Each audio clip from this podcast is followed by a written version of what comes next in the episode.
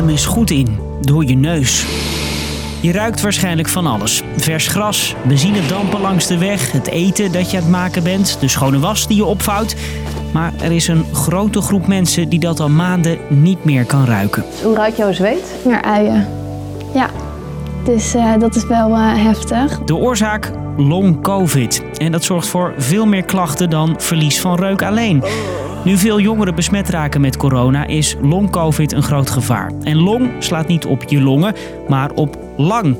Want je kan er echt lang last van hebben, zegt deze viroloog. Veel mensen zeggen van ja, dat wordt erbij gehaald. Uh, maar het is een, een, een, relevant risico. Ik ben Marco en ik vertel je wat je merkt van long covid en wat de gevolgen voor iedereen kunnen zijn. Lang verhaal kort. Een podcast van NOS op 3 en 3FM. Dus mijn dag is voornamelijk wel op bed liggen en, of op de bank. En ik probeer elke dag 10 minuten buiten te lopen, maar meer kan ik niet. Er zijn mensen die zeggen: wees blij dat je sowieso niet in de IC bent beland. Qua eten en drinken en ruiken heeft het mijn leven wel veranderd. Volgens mij snappen ze niet hoe groot de impact op je leven kan zijn. Long COVID. Het is er in allerlei vormen. Jongeren belanden minder vaak in het ziekenhuis als ze corona krijgen, maar allerlei klachten blijven bij een grote groep lang hangen. Neem Marianne. Ze kreeg vorig jaar maart corona. Er wordt gezegd het virus is niet gevaarlijk voor jongeren.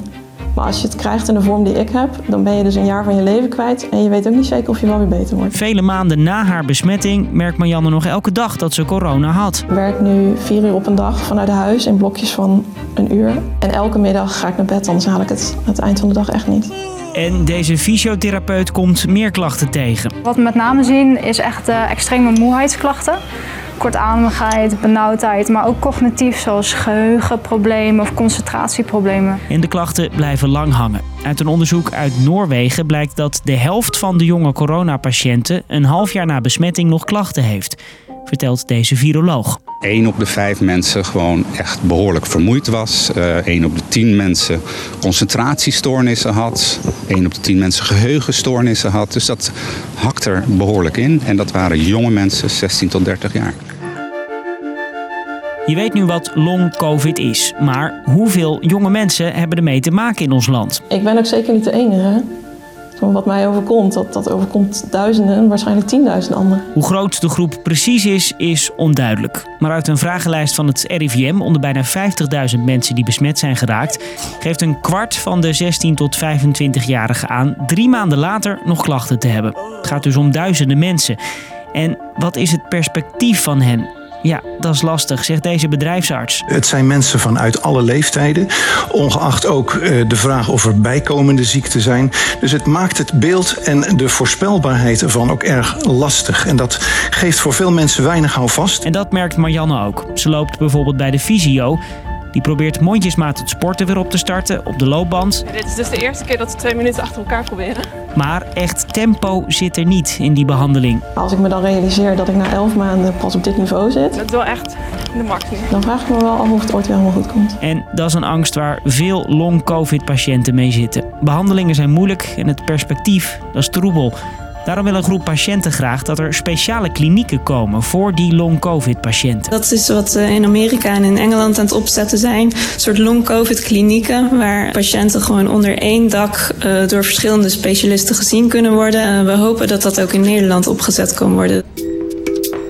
Long COVID heet dus niet voor niks long COVID. En de invloed ervan wordt steeds duidelijker op bijvoorbeeld het kabinetsbeleid.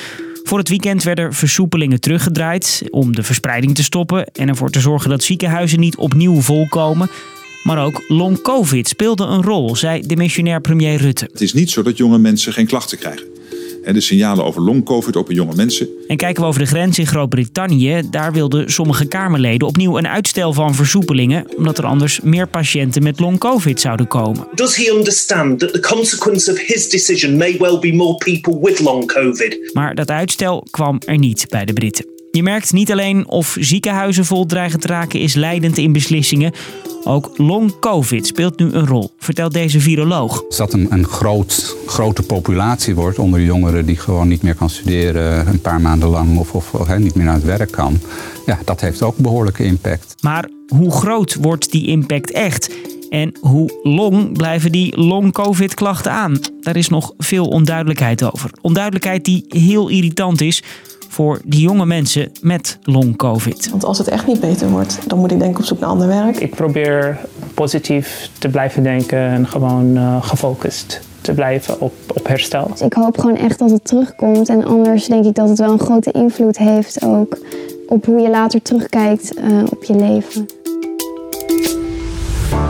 Dus, lang verhaal kort, duizenden mensen die corona hebben gehad zeggen maanden later nog klachten te hebben. Long COVID is dat. De klachten gaan allerlei kanten op en er is nog veel onzeker over de impact van long COVID op de lange termijn. Maar de politiek houdt er wel steeds meer rekening mee. En dat was hem weer voor vandaag. Blijf gezond en bedankt voor het luisteren.